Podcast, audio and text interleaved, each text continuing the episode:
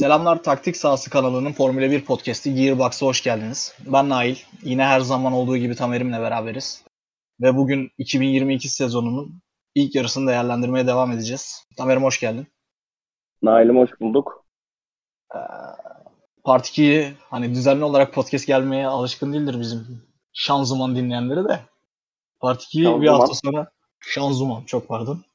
Şanzuman dinleyenleri e, Part 2'yi bir hafta sonra kaydetmeye başarabildik yani en azından düzenli tekrardan podcast gelmeye yine başlayacağız inşallah. Belçika'dan itibaren diyelim. Ee, bugün de önümüzde bir akış yok bu arada. Öyle spontane bir şekilde ilerleyeceğiz. Açıkça söylemek gerekirse kendi aramızdaki sohbeti kayıt etmeye benzeyecek. Bakalım nasıl gidecek diyelim. Ve Monaco'ya geçelim abi istersen.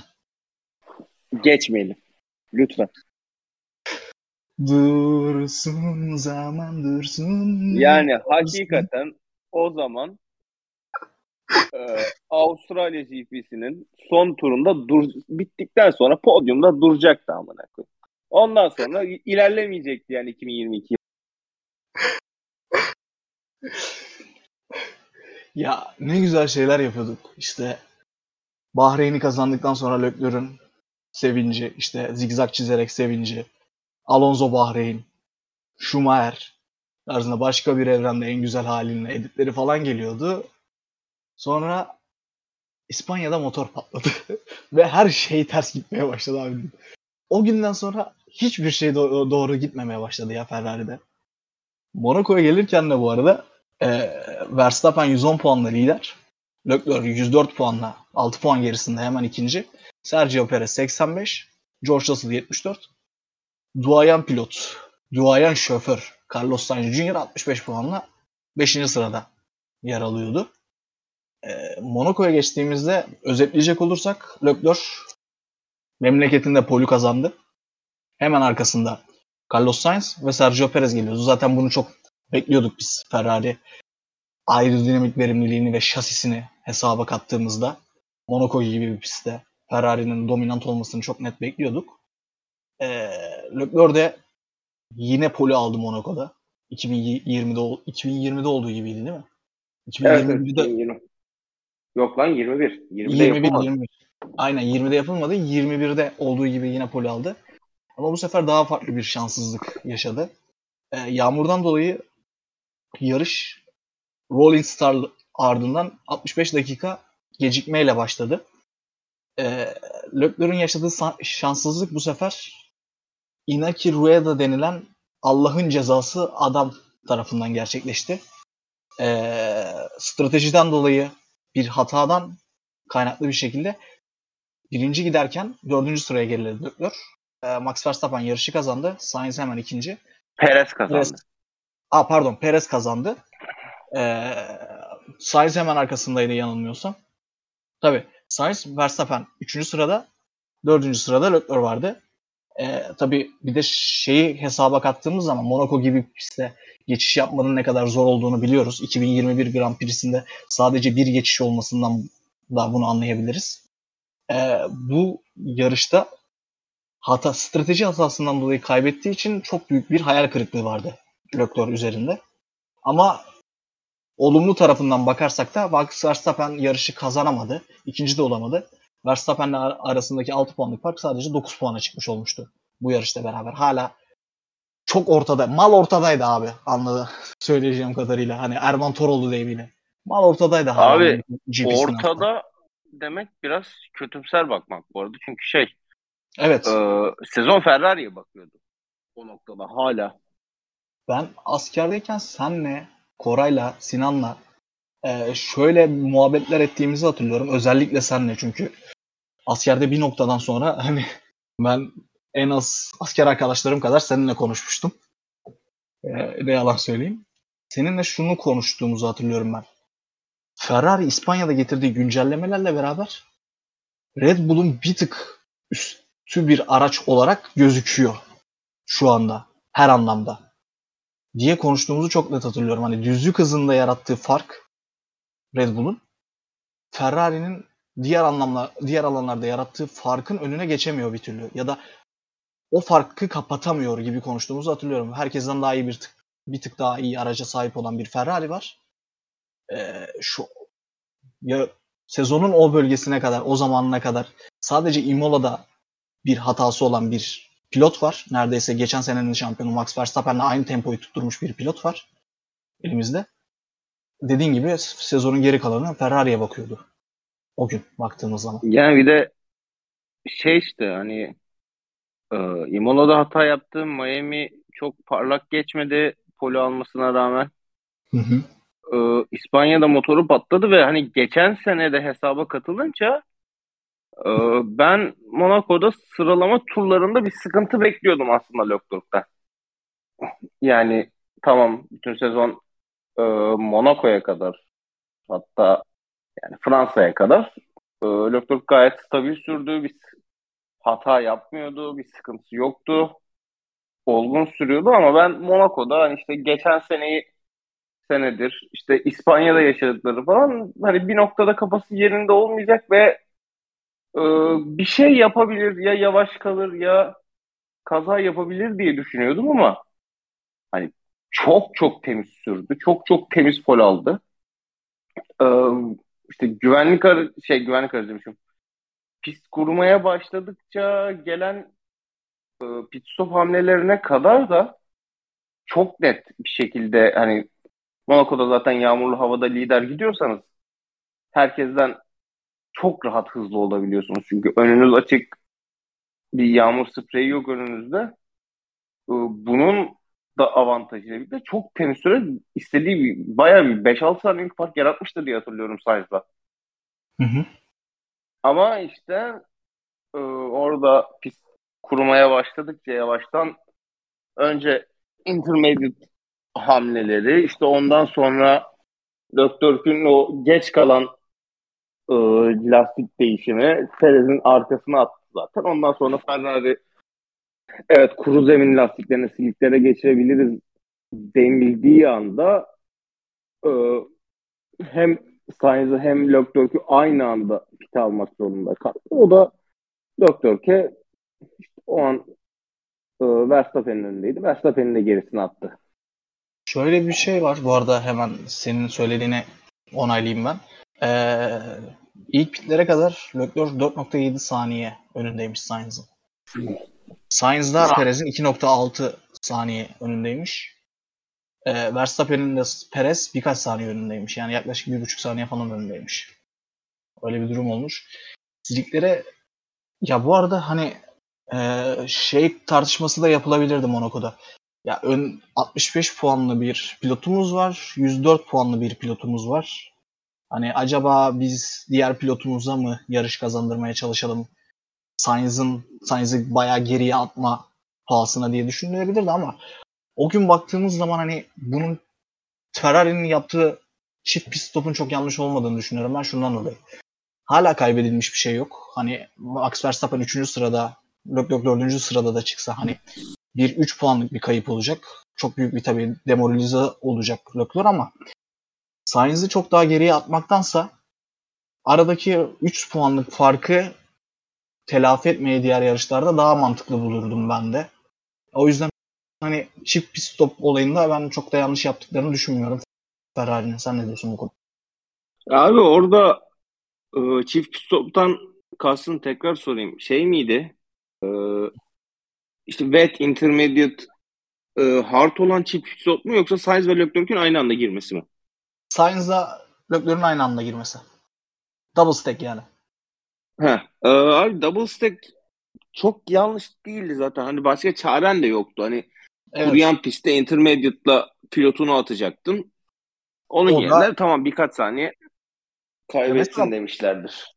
Başka bir pistte olsa yani bir tur daha sürsün. Sainz dışarıda kalsın. Bir tur daha sürsün. Biz onu pist üstünde telafi edebiliriz. Mantığı da gidebilirlerdi. Hani Sainz dördüncü olsun Leclerc dördüncü olacağına. Çünkü e, Red Bull ve Ferrari araçları diğer araçlardan çok çok bariz bir şekilde daha üstün bir araç ve geçişin kolay olduğu pistte çok rahat bir şekilde geçilebilecek kadar zaman vardı. Ama Monaco gibi bir pistte geçişin neredeyse imkansız olduğu bu arabalarla beraber pistte çok da çok da yanlış karar verdiklerini düşünmüyorum. Başka şekilde patladılar onlar. Abi orada hani Ferrari'nin Leclerc içinde düşündüğü şey aslında şeydi. Ee, yarışın yağmur altına başladıktan sonra Hı hı. ilk pitlere kadar sürekli şu e, zemin e, işte pist kuruduysa siliklere geçeceğiz. Ferrari'nin planı direkt şeydi çünkü sürekli o radyoda e, siliklere geçilmesi üzerine konuşuluyordu işte. Hı hı. Sonra işte orada e, Perez işi biraz bozdu. Perez ilk zara atandı intermediate için. Perez girdi. Perez saniye saniye almaya başladı. 2 saniye 3 saniye alıyordu tur başına. Ya Bunun şeyiyle bir reaksiyon göstermeye çalıştı Ferrari ama pist biraz daha hızlı kuruyunca tabii o reaksiyon patladı. şöyle bir şey var bir de hani e, burada mı başladı acaba o da? Çünkü sezonun geri kalan konuşacağımız kısımlarında strateji konusunda Red Bull bir zar atmak zorunda kalıyor. Attıkları bu zara Ferrari o kadar kötü tepki veriyor ki Red Bull bu zar hani düşeş gelmese bile bir şekilde Ferrari'nin önünde atmayı başarıyor sezonun geri kalanında baktığınız zaman. Kalmayı başarıyor. Yani, ah, hani bu çok ciddi bir strateji ekibinin çok ciddi bir eksikliğinden kaynaklı bir şey değil mi? Ve hala Ferrari'de şöyle bir şey geliyor. Şöyle demeçler geliyor. Özellikle takım patronu Mattia Binotto tarafından.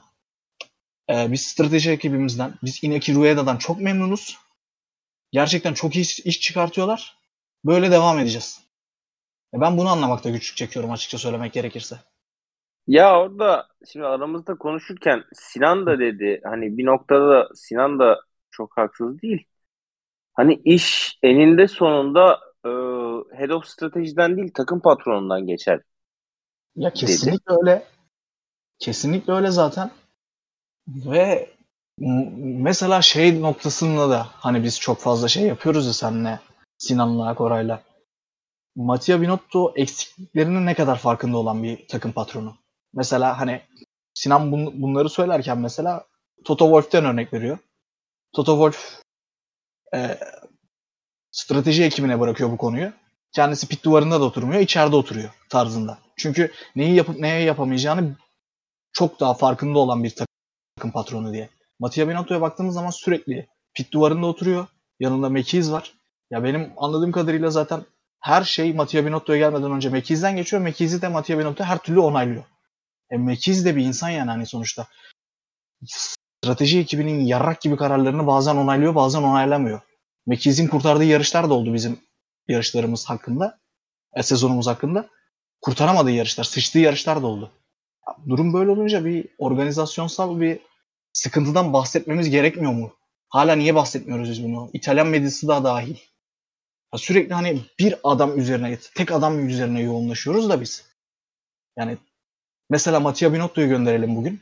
Yerine Toto Wolff'u getirelim. Toto Wolff yine baktığın zaman şeylerin farkında olan bir takım yöneticisi olacak. Eksikliklerinin farkında olan bir takım yöneticisi olacak ama e bunlar böyleyken bu adam ne yapacak abi?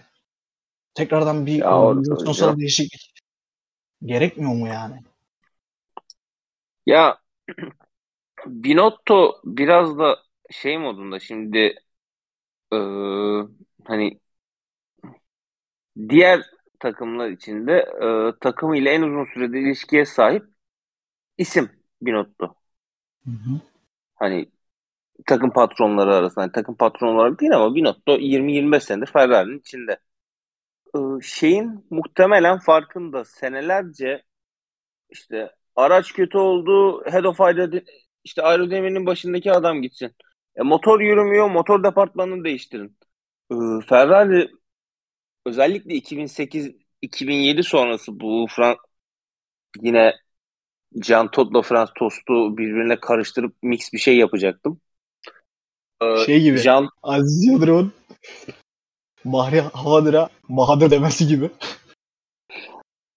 İşte e, hani Ja- Jean Todt ve Rose Brown'un olduğu o ekip e, Schumacher'in birlikte olduğu o ekip Ferrari'den ayrıldıktan sonra e, bir sürekli her başarısızlıkta birileri değişmeye başladı işte. Hani en geç değişen Domenicali oldu da bu süreçte. Birkaç söz alabilir miyim senden Dominik Hala hakkında? Abi e, Domenicali Formula 1'de takım patronu hariç her şey olabilir. Staff içinde. Yani uu, şimdi bir şey yapıyoruz ama Domenicali'nin de işte takım patronluğu öncesi o şampiyonluklar alan ekibin önemli parçalarından biriydi o da. Hı hı. Hani e, Fernando Alonso'nun kariyerini mahveden isim muhtemelen. Yani o kariyerin çökmesine sebep olan kişi. Yani ağır konuşmak. Ya çok da ağır konuşmak istemiyorum şahsen Ben de. kendisi hakkında çünkü şimdi hani ya boş adam olsa Formula 1'in başına getirmezlerdi. Hani bunu diyeyim en azından. Alçak ya. push. Alçak pushed ama daha fazla hani biz ona Formula 1'in başına geçemezsin demedik. Ferrari'ye takım patronu olamazsın dedik. Yani. İşte Domenicali gitti. E, Matiachi miydi? Arada bir şey Ferrari North Amerika'nın yani daha doğrusu Amerika Ferrari'nin CEO'sunu getirdiler işte. Dur bakacağım Adam şimdi. yani şey Matteo Matiachi miydi? Neydi adamın adı? Bakıyorum hemen ya. Öyle bir şeydi aynen. Esmer Alonso, değişik bir tip. Alonso ile şey olan. Ha. İşte o geldi çok kısa sürede "Ya siktir git senin ne işin var burada dediler adama. Ondan sonra işte Maruzi Arabivane geldi ve o süreçte işte bir hani tekrar toparlanma işte takım içinde çok değişiklikler vesaire yaşanıyor bu arada. Hani bu dönem Ferrari'den ayrılanlar hala. Arabivane geldi işte 2015-2016 çok beklentilerin olduğu bir sezon değil. 2017 e, Sebastian Vettel'in hatasıyla giden bir sezon. 2018 %60 Sebastian Vettel, %40 işte Ari Webanne ve strateji ekibine suç bulunan şey işte e, yani çok fazla strateji hatası yapıldı o dönemde işte. İşte onlar gitti, işte Binotto geldi. Binotto'nun altındakiler konusunda Binotto daha korumacı davranıyor. Hani farklı bir usulle gitmeye çalışıyor. Ben e, bazen yani her zaman birini korumanın doğru olduğunu düşünmüyorum bu tarz profesyonel hayatta. Hı hı. Yani bazen insanların cezasını çekmesi gerekiyor. Ama işte yani dediğim gibi Rueda ile çalışan o, Rueda'nın verdiği verileri okuyan o, Rueda'nın stratejilerini yorumlayan o. Hani bir şey var diyorsa hani vardır herhalde. Yani sonuçta Vardır bir bildiği. yani sonuçta bu arabayı yapan da Binotto yani bu arabayı yaparken güveniyorsak buradaki kararına da güveneceğiz o zaman. Ya ona gelecektim ben de. Bu adam yani Formula 1 tarihinin gördüğü en büyük mühendislerden bir tanesi. Açıkça söylemek gerekirse. Ya inanılmaz bir mühendis. Yani, eee, biz ikimiz de ne kadar sevdiğimizi biliyorsun. Ya biliyorlar daha doğrusu. Çok üstün bir mühendis ve ben Ferrari'nin mühendis takımının da çok üstün bir takım olduğunu düşünüyorum. Çünkü bu arabayı yaparken özellikle motor departmanındaki şeyler, mühendisler inanılmaz bir iş çıkardılar. Yani bir kış arasında yapılabilecek bir motor değil o. Şeyden şeye geldiğimizde 2021 motorundan 2022 motoruna geldiğimiz zaman. Dayanıklılık problemleri baki. Ona yapacak bir şey yok. Çünkü bu kadar kısa sürede hem dayanıklı hem de bu kadar üstün performans veren bir motor inşa etmek imkansıza yakın bir şey. Neyse e, yaptıkları mesela aerodinamik verimlilik anlamındaki arabanın bugün haberler çıkıyor işte Amus'ta Mamus'ta. Görüyoruz ki e, en hızlı araç olmamıza rağmen diğer takımlar bizim yaptığımız aerodinamik tasarımı anlayamamış olduklarından dolayı Red Bull'u kopyalamanın daha kolay olduğunu söylüyorlar. Yani Yani öyle bir Ferrari işte Red Bull niye hızlı diye düşününce bu takımlar ya haber direkt böyleydi. İşte şuradan şuradan şuradan diyorlar ama Ferrari konseptine geldiği zaman kimse niye Ferrari'nin hızlı olduğu konusunda fikri yok. Abi sürtünmesi çok yüksek ama mesela motor performansını maksimize edemediğin halde e, yaptığın bir arka kanat güncellemesiyle Red Bull'la aynı düzlük hızına sahip oluyorsun. Çok garip abi. Ya inanılmaz sürtünmeli bir araçtan bahsediyoruz bir de. Çok garip yani. Yaptıkları şey mühendis takımı gerçekten çok özel bir iş çıkartıyor. Getirdikleri güncellemeler de mükemmel şekilde çalışıyor. Mesela Fransa'ya getirdikleri bir güncelleme var. e, motor anlamında. Yanlış hatırlamıyorsam elektronik güncelleme. Sainz'a getirdikleri. Abi Sainz bir tur attı Fransa'nın şeyinde. Ee, sıralama turlarında. Verstappen'den neredeyse 0.9 daha hızlıydı. Ya Fransa'daki tartışmasız en hızlı araç Sainz'dı. Yani inanılmaz bir şey. Ki Spa'ya da getirecekler şimdi. Spa'ya tamamıyla yenilenmiş bir elektronik sistem getiriyorlar. Ya Ferrari inanılmaz iş çıkartıyor mühendislik. İnovasyon anlamında mükemmel bir iş çıkartıyor. O yüzden Abi- hani şeyi anlayabiliyorum. Ekibini koruma içgüdüsünü anlayabiliyorum Binotto'nun. Çünkü bir de Binotto bir mühendis olarak mühendis takımıyla çalışan bir mühendis. Şöyle ki e, teknik direktörü yok. F1.75'in. Büyük bir ihtimal teknik dire- direktör olarak Binotto çalıştı. Ki öyle zaten Binotto'nun yaptığı bir araç. E strateji ekibinden bu kadar kopuk çalışan, daha çok mühendis ekibiyle çalışan bir patronun kendi ekibi olarak aynı zamanda mesela ya biraz şey gibi geliyor bana. Kendi ekibini korurken mühendis ekibini düşünüyor gibi hani bunlar bu inanılmaz iş çıkardı. ya. Öbürküler sıçıyor ama biz bir ekibiz tarzında bir koruma içgüdüsüyle yaklaştığını düşünüyorum ben. Bunun çok hatalı bir içgüdü olduğunu düşünüyorum. Çok hatalı bir karar bence bu. Çünkü ya öbürkülerin emeklerini sikip atıyorlar strateji ekibi. Ya işte dediğim gibi hani takım çalışması, ekip işi hani bunları da düşünmek lazım. Sonuçta yani kolay değil. Hani yüzlerce, binlerce kişi çalışıyor. Milyon euroluk bir proje bu. Ve bunun başındaki tek adam Binotto sonuçta. Hani e, şeyden bahsettin işte hani ne kadar önemli bir mühendis olduğundan falan bahsettin. Abi e, tek soruyla şunu söyleyeceğim. E, işte hani araç performansından bahsettik ya Ferrari'nin. Hı hı. Ee, Formula 1 tarihinde kaç kere bir işte regülasyon değişikliği sonrası bir aracın aerodinamik performansı Adrian Newey'in aracını yendi. Abi bir. Ya bir de şey bak. Şöyle bir şeyden de bahsedebiliriz. Adrian aerodinamik verimlilik açısından Adrian Newey'den daha iyi araç tasarlayan kaç tane mühendis var? Yani Abi iki. İki gerçekten iki. Bir Rory Bryan, bir Mattia Binotto. 2017 18 senelerinde. Rory Bryan da zaten Ferrari'nin üst düzey olduğu senelerde.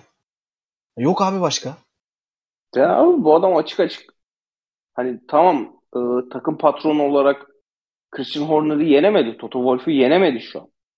Ama e, işte kağıt üstünde o blueprintlerde işte araçta Adrian Newey'i yendi. Evet. Ha tabii şu an büyük konuşuyoruz çünkü 13 yarışa göre konuşuyoruz ama geri kalan 8 yarışta 7, 7 yarışta ne olur bilmiyorum. Hani Red Bull bir güncelleme getirir. Red Bull belki bir saniye öne geçer. Ki bunu da yapabilecek tek adam Adrian Newey. Ya Evet, bunu yapabilecek tek adam Adrian Newey. Hani karşısına bahis alınmaması gerekiyor ama işte Ferrari belki motoru daha şey olsa bir iki strateji ama stratejiyle geçtim yani motoru patlamasa belki motor o iki yarışta patlamasa bugün Hı. farklı şeyler konuşacaktık. Aynen öyle abi. Hani seneye çok daha farklı şeyler konuşacağız belki. Yani Çok hani eee, bir maraton olarak gö- görürsek biz bu kural değişikliklerini eee, 2026 senesine kadar düşünürsek bu maratonda şu anda Mercedes'ten de Red Bull'dan da bir tık önde ilerleyen takım Ferrari. Hem motor anlamında, dondurulmuş motorlar anlamında, hem dondurulmuş elektronik sistemler konusunda hem de yani araç tasarıma konusunda. Yani şu anda baktığın zaman James Ellison'ın ne kadar yanlış anladığını sürekli güncelleme getirerek, sürekli güncelleme getirerek çözmeye çalışan bir Mercedes var. Mesela şeye bakıyorlar şimdi. Macaristan'da Mercedes'in performansına bakıyorlar. Şöyle söyleyeyim. Mattia Binotto kendi arabasının performansından memnun olmadığını söylüyor. Ee, yine konuşacağız da onu. Medium lastiklerle medium lastiklerle neredeyse bir saniye kadar hızlıydı. Şey geçtikten sonra Leclerc. George Russell'ı geçtikten sonra. Yani Mercedes'in kapattığı bir fark yok. Strateji sıçışlarından dolayı şu anda Mercedes Ferrari'nin önünde gözüküyor. Şeyde, e, Kiat üzerinde. Yoksa araba performansı açısından hala çok önde Ferrari. Bir de sana şeyi sormak istiyorum. Adrian Newey, Rory Bryan, Colin Chapman. Bu üçünü çıkardığımız zaman abi Mattia Binotto seviyesinde ya Mattia Binotto'dan bir tık daha iyi gördüğüm bir mühendis var mı Formula 1 tarihinde? Ay hiç düşünmedim yani. Düşünmem lazım. Ben şöyle Sonra düşünüyorum abi.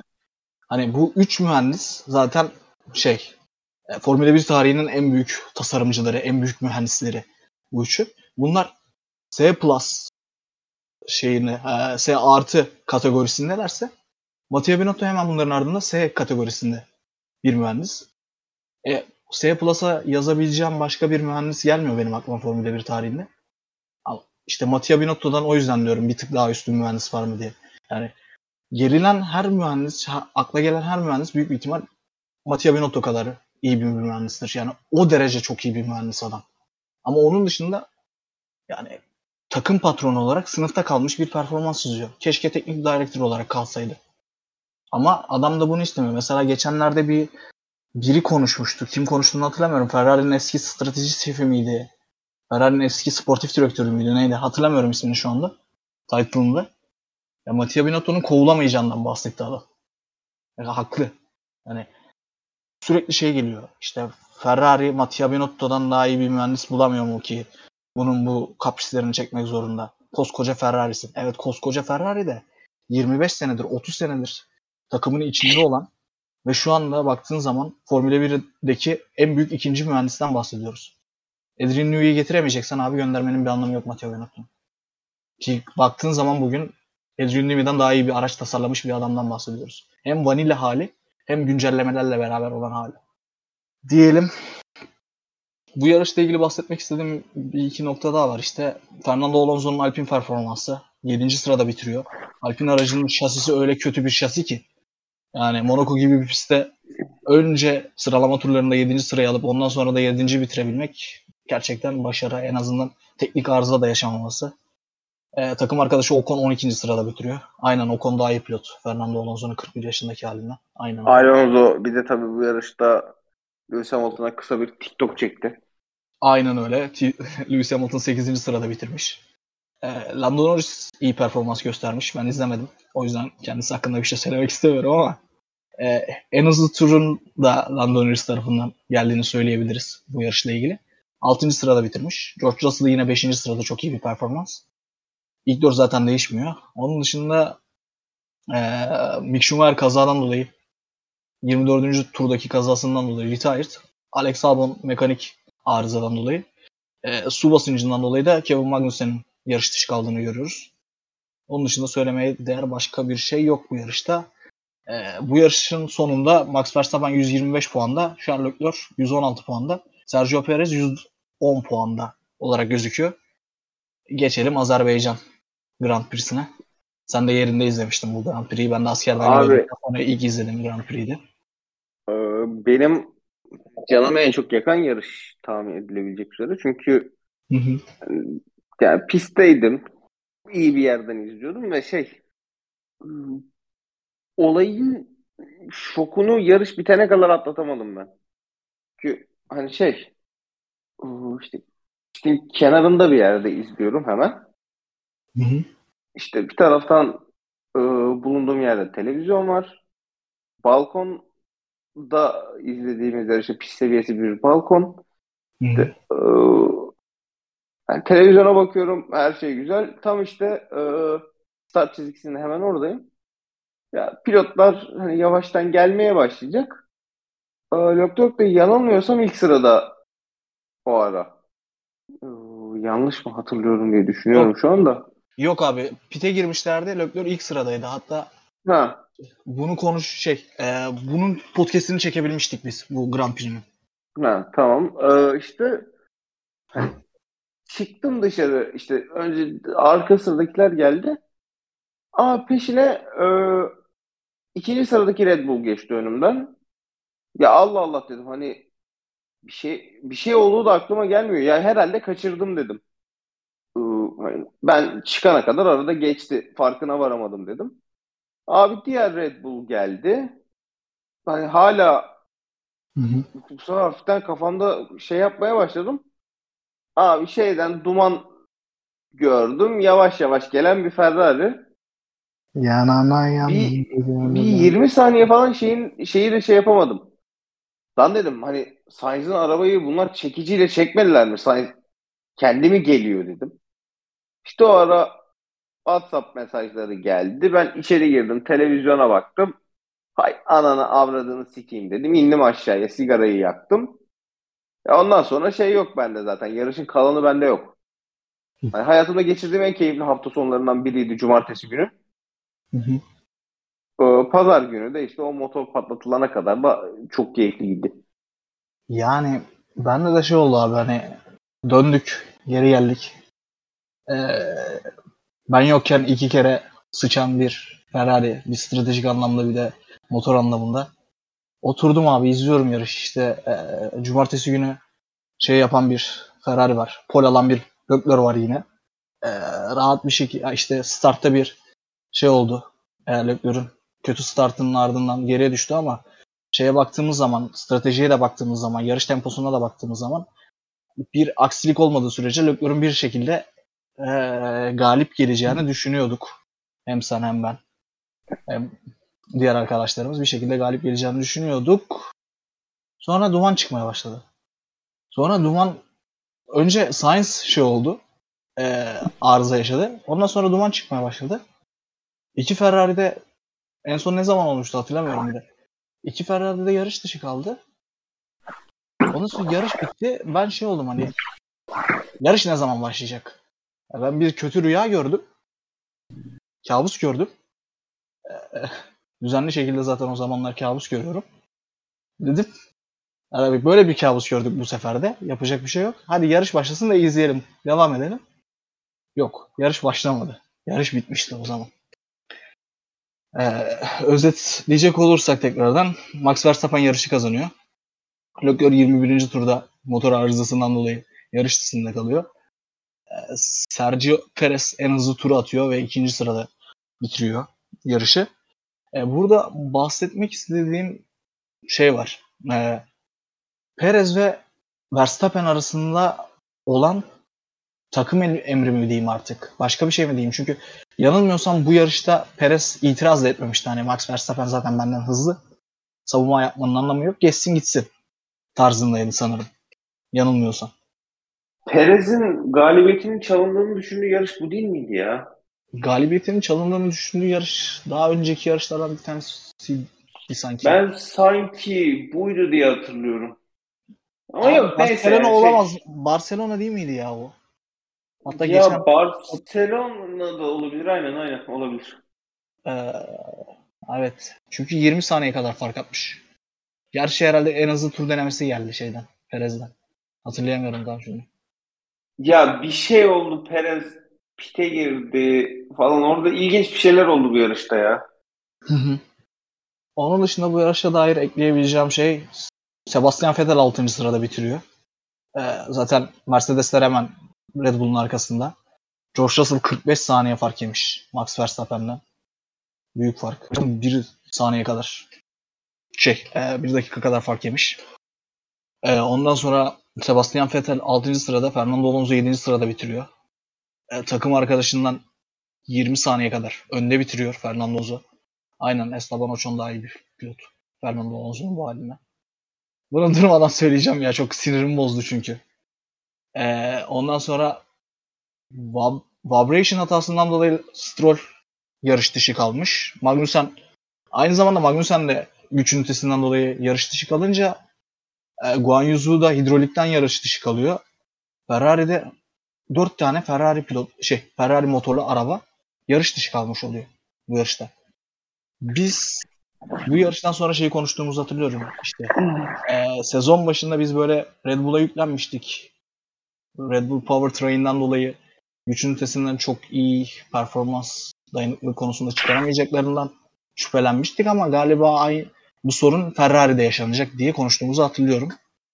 Ki sezonun geri kalanında bir kere daha motor problemi yaşadık. Galiba ondan sonra bir daha problem yaşamadık motorla ilgili. Bu yarıştan sonra. Yani şey bu yarış cidden bir Ferrari motoru problemli mevzunun yüze vurulduğu yarış oldu aslında. Hı hı.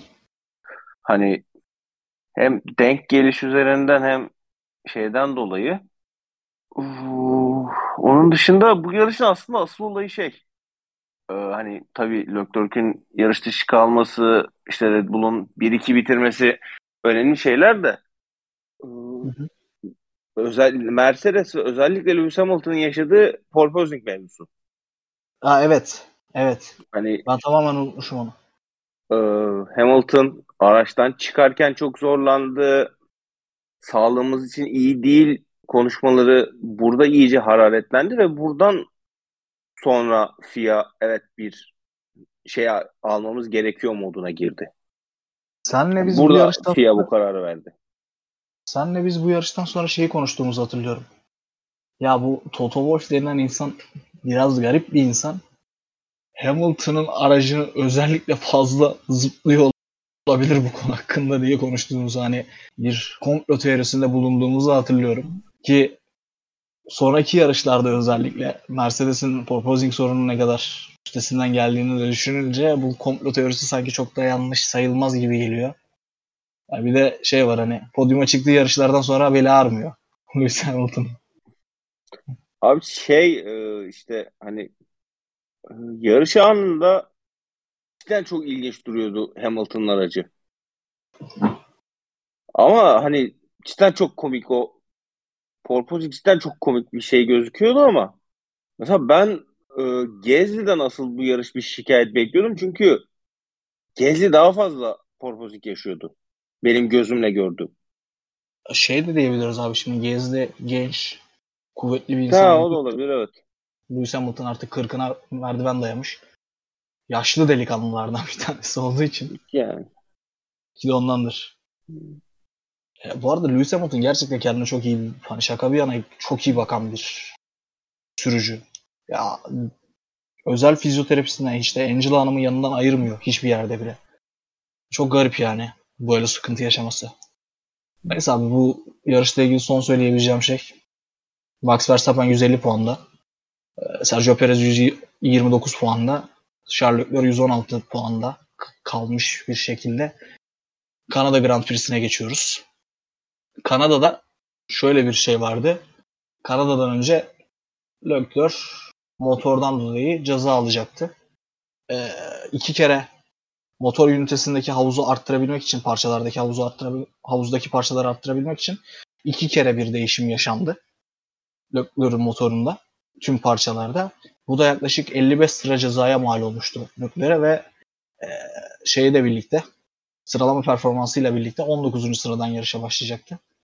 Ama Kanada'nın geçiş konusundaki performansını da önceki yıllarda düşündüğümüz zaman aslında Leclerc'ün hani bir güvenlik aracıyla falan çok farklı bir şekilde çok düşündüğümüz gibi kötü olmadan hani podyum finişi görebileceğini söylemiştik biz yarış başlamadan önce. Ee, bu hafta sonunda tabii Fernando Alonso'nun sıralama performansı Alpine'in strateji hataları da damgasını vurdu bu hafta sonunda. Fernando Alonso yağmurlu havada gerçekleşen sıralama turlarında Max Verstappen'in hemen ardından ikinci sırayı almıştı. Ee, en iyi araca sahip olan Carlos Sainz'i geçmişti. Çok özel bir şekilde. Ama iki güvenlik aracının arkasında pite almaması Alpine'in Fernando Alonso'yu yarışı Ocon'un da arkasında bitirmesine sebep oldu. Aynı zamanda yaşadığı bir güç ünitesi sorunundan dolayı. Ee, bu yarışla ilgili konuşabileceğimiz şey herhalde Leclerc'ün ikinci hatasının bu yarışta yaptığı herhalde. Hani e, sana şeyden bahsedeceğim ben. Sana şeyden söz vereceğim. O konu geçememesini o zaman konuştuğumuzu hatırlıyorum ben. Şimdi de konuşuruz. İstersen bir küçük bir özetlersin sen. Hatası derken ki şeyimi açacak olursam ben de. E, Leclerc strateji ekibinin 40 yılda bir yaptığı doğru bir iş vardı. 50. tura kadar güvenlik aracı bekleyip 50. turdan sonra Leclerc'ü pit almaktı. Leclerc o konu her geçemediği turda daha da telaşa kapıldı. Daha da hararetlendi ve pite girmesi gerektiğini durmadan tekrar etti. Pite girmeliyim, pite girmeliyim diye ağladı neredeyse telsizden. Ve yanlış hatırlamıyorsam 43. turda mı 40. turlardan bir tanesinde pite aldılar.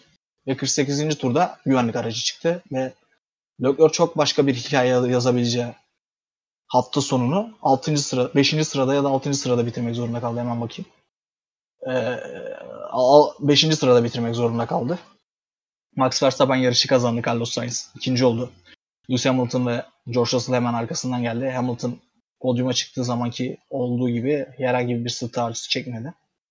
Böyle geçti bu hafta sonu. Hani en hızlı turu da Carlos Sainz aldı bu yarış hafta sonunda. Sana sözü şöyle atmak istiyorum abi. Leclerc'in o konu geçememesi. Abi şimdi e, yani sezon başından beri yarışı Formula 1 izleyip yarışı izleyenler için Leclerc'in o konu geçememesinde şöyle bir ilginçlik vardı. Ee, işte Kanada'ya kadar biz ne biliyoruz abi? Ferrari virajlarda, viraj çıkışlarında, viraj girişlerinde, virajın tamamında gridin en iyi aracı. Ee, Alpin motoru çok kuvvetli. Bu tarz o tarz bir düzlükte çok daha hızlı araç. Ee, işte sonradan öğrendiğimize göre işte Ferrari'nin Leclerc özelinde kullandığı IRS modu e, düzlük hızından daha çok yani düzlük hızında harita düzlükte daha çok kullanılacak üzere hazırlanmış. Ee, Leclerc sürekli o arka son düzlükteki o uzun düzeye girmeden yapılan o U, keskin U virajında sürekli zaman kaybetti. Daha kötü çıktı. E, dibine kadar geldi. Biraz da o etken ama daha kötü çıktı. Çekişi yakalayamadı. E, öyle olunca da işte DRS'e ve IRS'e rağmen geçemiyorsunuz o düzlükte Alpini. Yani ne kadar düzlükte farkı azaltsa bile. Biraz daha sabretse belki 3 tur, belki 5 tur, belki bir tur. İşte hem o konu bir hataya itebilecek durumdaydı hem bir yerde denk getirebilirdi. İşte bir yerde bir 0.1 saniye kazanabilse o virajda o konunun yanında çıkma ihtimali olacak. E bunları hiç yapamayınca biraz da artık şey baskısı oluştu üzerinde diye tahmin ediyorum.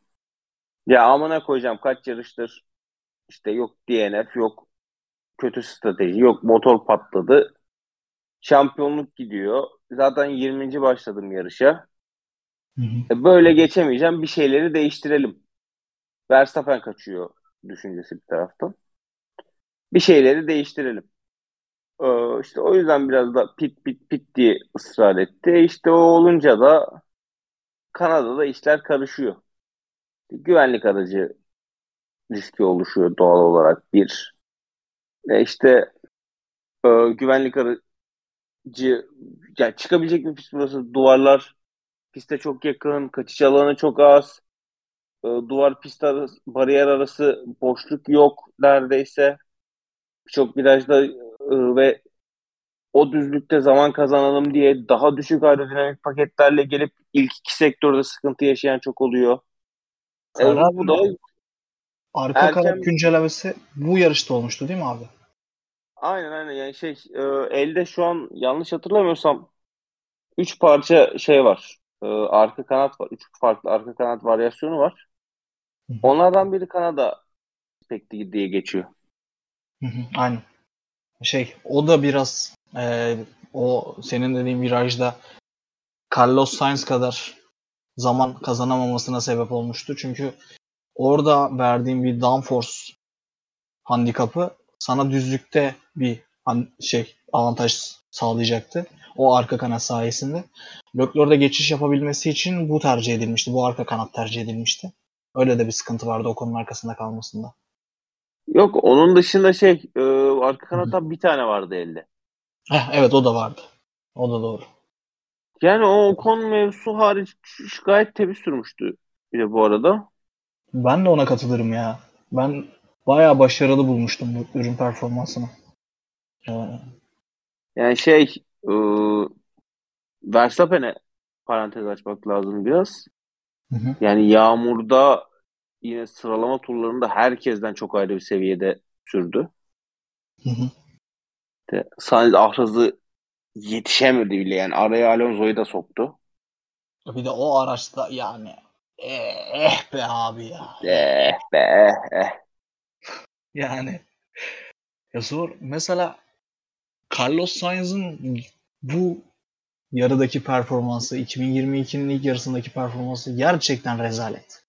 Gerçekten rezalet. Hani bu adamın savunulmasının Geleceğiz. Önümüzdeki haftaya da geleceğiz. Hani e, İngiltere Grand Prix'sinde oluşacak onu da konuşacağız. Onu konuşurken Carlos Sainz ve Leclerc üzerindeki performansları konuşuruz ya. Yani rezalet. Yani şimdi bak bakıyorum şeye bu yarıştan sonraki puan tablosuna. Max Verstappen 175 puanla lider. Sergio Perez 129 puanla ikinci sırada. Charles Leclerc 126 puanla üçüncü sırada. George Russell 111 puanla dördüncü sırada. Carlos Sainz 102 puanla beşinci sırada. Tamam anlıyorum. George ya iki kere teknik arızadan dolayı yarış dışı kaldı Carlos Sainz.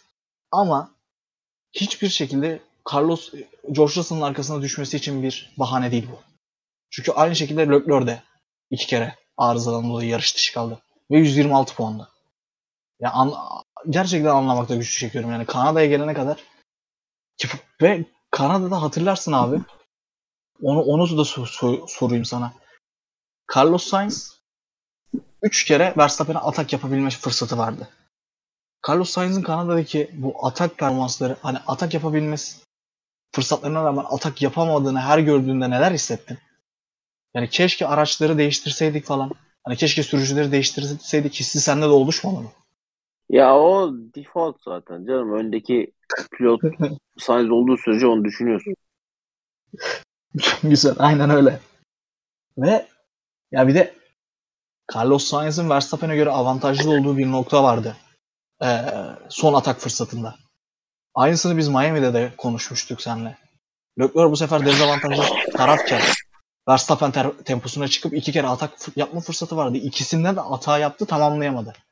Tamamlar tamamlayamaz o ayrı bir mesele. Bu Ahraz ikisinde de atak yapamadı. Daha avantajlı taraf olmasına rağmen.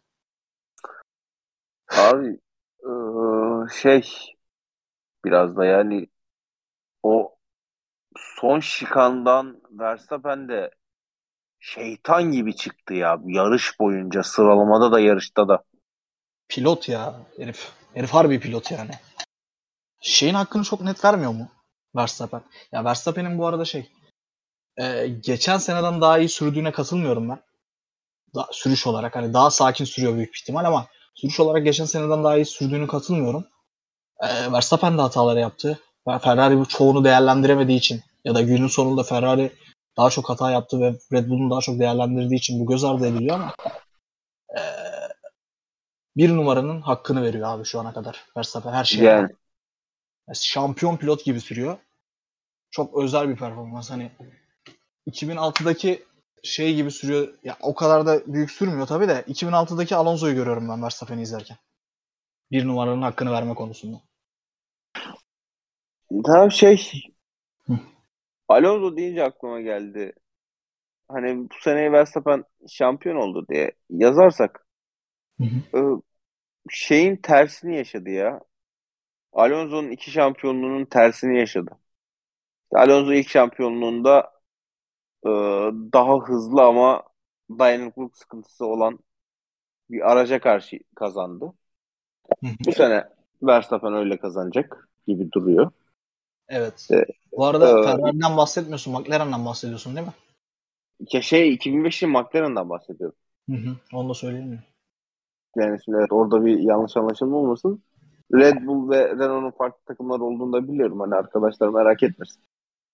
Vardır öyle hani Formula 1'de en çok biz biliyoruz, siz bilmiyorsunuz, siz kimsiniz diyen dinleyicimiz varsa eğer hani yoktur dinlediğine göre diye düşünüyorum ama e, yine de söyleyelim. İşte Alonso'nun ilk şampiyonu da 7 kez dünya şampiyonu e, dominasyon sahibi takımı yenerekti ve onu da yaptı geçen sene.